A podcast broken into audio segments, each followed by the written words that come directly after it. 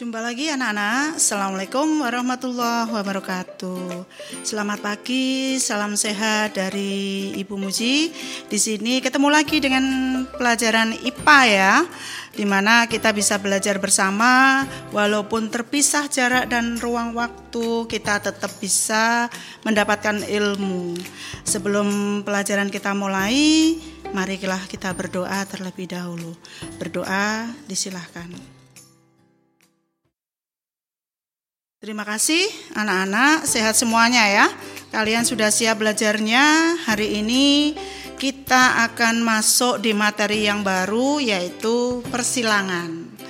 Nah, apa itu persilangan? Nah, ini ada cerita anak-anak ya. E, kemarin itu di rumahnya Bu Muji itu ada kucing yang lagi hamil. Setelah saya tengok beberapa hari, kok tidak nampak ke mana? Ternyata kucingnya sudah melahirkan. Nah, ini ada pertanyaan menggelitik dari anaknya Bu Muji yang kebetulan tuh pencinta kucing itu si Mirza. Dia tanya begini, "Mah, itu kucingnya kok warnanya banyak? Ada hitamnya, ada merahnya, ada putihnya. Padahal ibunya itu warnanya coklat. Loh, kok bisa?" Jadi si anak ini heran karena apa? E, anak kucing itu ternyata warnanya tidak sama dengan induknya. Jadi dia berpikir itu kalau yang namanya anak mesti ada kemiripan dengan orang tuanya ya. Tapi e, pertanyaan ini begitu menggelit, menggelitik. Jadi loh iyo yo kenapa ini ya? Misalkan kok bisa e, kucingnya jadi anaknya ber warnanya banyak ternyata. Jadi sekali melahirkan itu kucingnya ada lima anak yang keluar ternyata warnanya itu banyak. Ada yang kembang telon jadi merah eh maaf coklat putih kemudian ada kehitaman sedikit kemudian ada juga yang coklat semuanya kemudian ada yang hitam mulus tapi di bagian kepalanya muncul putih. Jadi seperti itu. Sementara eh, induknya itu hanya berwarna coklat saja. Nah kenapa bisa demikian? Nah ini anak-anak e, kalau kita kaitkan dalam kehidupan sehari-hari, memang kalau kita perhatikan saja, kita manusia saja yang jumlahnya di dunia ini kurang lebih ada 7 miliar, itu ternyata tidak semuanya sama. Jadi wajahnya tidak ada yang mirip persis, sekalipun dia kembar. Nah, bagaimana kita melihat fenomena seperti ini? Nah, salah satu jawaban yang bisa kita lihat adalah uh, variasi dari anak yang lahir dari dua induk itu ternyata memunculkan banyak varia, variasi baru. Nah, kenapa bisa muncul variasi baru? Ternyata kalau kita hubungkan dengan konsep persilangan itu sendiri bahwa sifat atau gen itu ditentukan oleh uh, asam amino yang ada di dalam tubuh kita. Jadi atau variasi yang ada di dalam uh, makhluk hidup baik itu warna, kulit, warna rambut, bentuk rambut pun, postur tubuh, tinggi langsing, pendek ataupun badan besar itu semuanya ditentukan oleh gen. Nah, nanti gen itu tidak bekerja sendiri tetapi dia dipengaruhi juga oleh lingkungannya. Nah, lingkungan seperti apa nanti yang berpengaruh? Bisa makanan, bisa suhu, bisa uh, tekanan. Nah, itu nanti yang mempengaruhi perwujudan e, makhluk hidup setelah dia dilahirkan dari gen yang e, yang sudah paten. Nah, nah, munculnya variasi dalam makhluk hidup itu salah satu penyebabnya adalah peristiwa campur tangan dari gen itu sendiri. Di mana sebenarnya gen itu adalah e, sel atau protein yang dia terbawa di dalam kromosom manusia. Jadi dia berupa asam amino. Nah, asam amino sendiri itu berasal dari protein. Nah, untuk itu anak-anak, eh, mari kita sekilas lebih dalam eh, belajar tentang apa itu gen.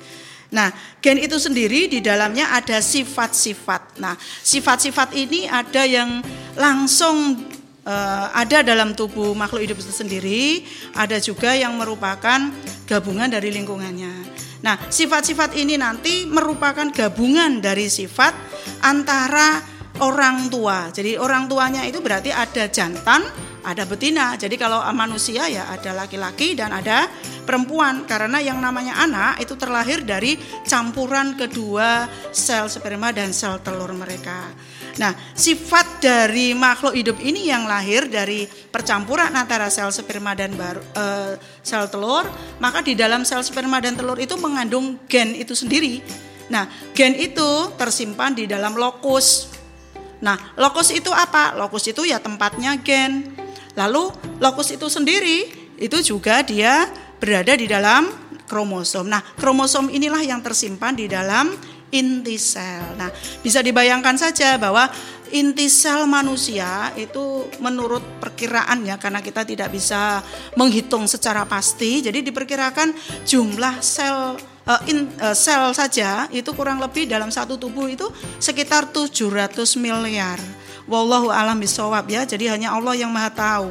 Jadi kalau satu sifat misalkan sifat A dikawinkan dengan sifat B, itu tentunya akan melahirkan gabungan antara sifat AB, A itu sendiri muncul, B itu sendiri juga muncul. Nah, dari konsep seperti ini maka tidak heran kalau kucing itu ibunya atau emaknya itu warna coklat, ternyata anaknya kok warnanya buahnya itu kenapa?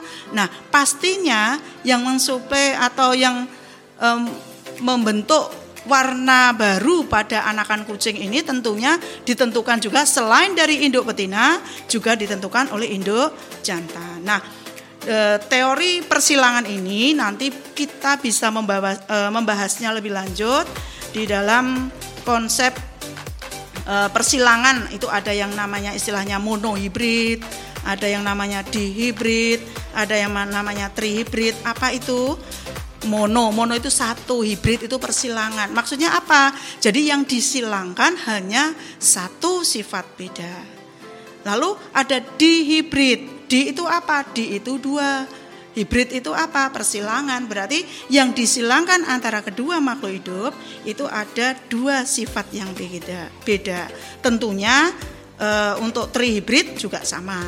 Nah, anak-anak Eh, bagaimana dengan kita kembalikan tadi pada proses kucing yang beranak di mana induk warna coklat kok lahir anak dengan bermacam-macam variasi, tentunya kita bisa menelisik induk jantannya sifatnya seperti apa.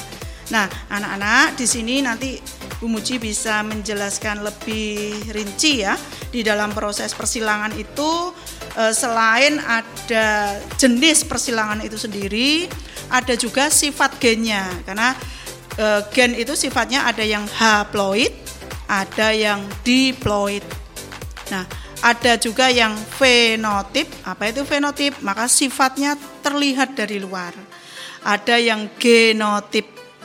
Ada yang fenotip. Kalau genotip berarti sifat itu tidak nampak secara langsung tapi tersimpan. Contohnya begini, ini kasus di keluarga Ibu Muji sendiri. Bapak saya itu eh, rambutnya itu keriting karena keturunan dari kakek nenek saya itu ternyata keriting. Ibu saya itu lurus. Ternyata ketiga anaknya itu saya sendiri mohon maaf itu lurus. Adik saya itu ikal, kemudian adik saya yang satu lagi itu lurus. Nah, ternyata ini ada pertanyaan yang cukup menggelitik juga ini ponakan saya itu pernah pernah bertanya seperti ini. Bapak, kenapa saya kok rambutnya keriting padahal bapak itu lurus, ibu itu lurus, lah saya anaknya siapa? Ya, ini kan pertanyaan yang lucu juga ya, dia meragukan keberadaannya. Ini boleh saja sih. Nah, sekarang kalau dilihat dari konsep materi persilangan ini tentunya kalian akan melihat bahwa yang namanya hasil perkawinan itu akan memunculkan banyak variasi baru atau beberapa variasi baru tergantung jumlah gen yang terlibat dalam proses perkawinan itu sendiri. Nah, anak-anak, untuk lebih lanjutnya, tentunya kalian tadi bisa menjawab kenapa si anak tadi bertanya kepada ibunya, rambutnya itu keriting, sementara kedua orang tuanya lurus. Kira-kira dari mana ini sifatnya? Iya betul dari kakek neneknya karena kakek neneknya aja sudah keriting otomatis ada sifat yang tadi muncul tetapi pada keturunan. Nah, ini ada kakek, ada ayah, ada anak. Nah, kakek ini dikatakan e, keturunan pertama, maka anak ini menjadi keturunan kedua, kemudian si cucunya tadi menjadi keturunan yang ketiga. Nah, kalau kita lihat dari kasus persilangan ini kan ayahnya lurus, ibunya lurus, anaknya keriting. An, uh, bapak ini sebagai orang tuanya, maka si anak ini menjadi keturunan pertama. Nah, keturunan pertama ini ternyata dipengaruhi juga tidak hasil dari kedua orang tuanya, tetapi juga dari kakek dan neneknya. Nah, otomatis uh, si ayah itu tadi kan rambutnya lurus, si ibu juga rambutnya lurus, ternyata ada sifat yang uh, muncul keriting. Nah, keriting ini kan tidak ada di kedua orang tuanya. Berarti ayah ibunya ini secara otomatis menyimpan gen keriting. Nah, gen keriting yang tersimpan inilah yang disebut genotif. Sementara yang rambut lurus dari kedua orang tuanya itu yang bersifat fenotif. Anak-anak, untuk kali ini materi yang Ibu sampaikan cukup pada materi e, tentang bagaimana persilangan itu, bagaimana sifat baru itu muncul akibat persilangan. Lalu yang kedua tentang gen yang terlibat dalam proses persilangan, maka untuk lebih lanjutnya Ibu akan memberikan latihan soal. Kalian bisa menyelesaikan e, latihan soal yang ada di dalam buku paket IPA halaman 143 bab tentang monohibrida. Kalian bisa mengerjakan itu, lihat juga di dalam video pembelajaran yang sudah Bu Muji sampaikan lewat classroom kalian. Nanti kalian upload e, untuk pertemuan selanjutnya kita akan membahas bagaimanakah e, munculnya sifat baru dari hasil persilangan. Untuk itu kurang lebihnya mohon maaf. Terima kasih. Assalamualaikum. Jumpa lagi dalam pembelajaran berikutnya. See you.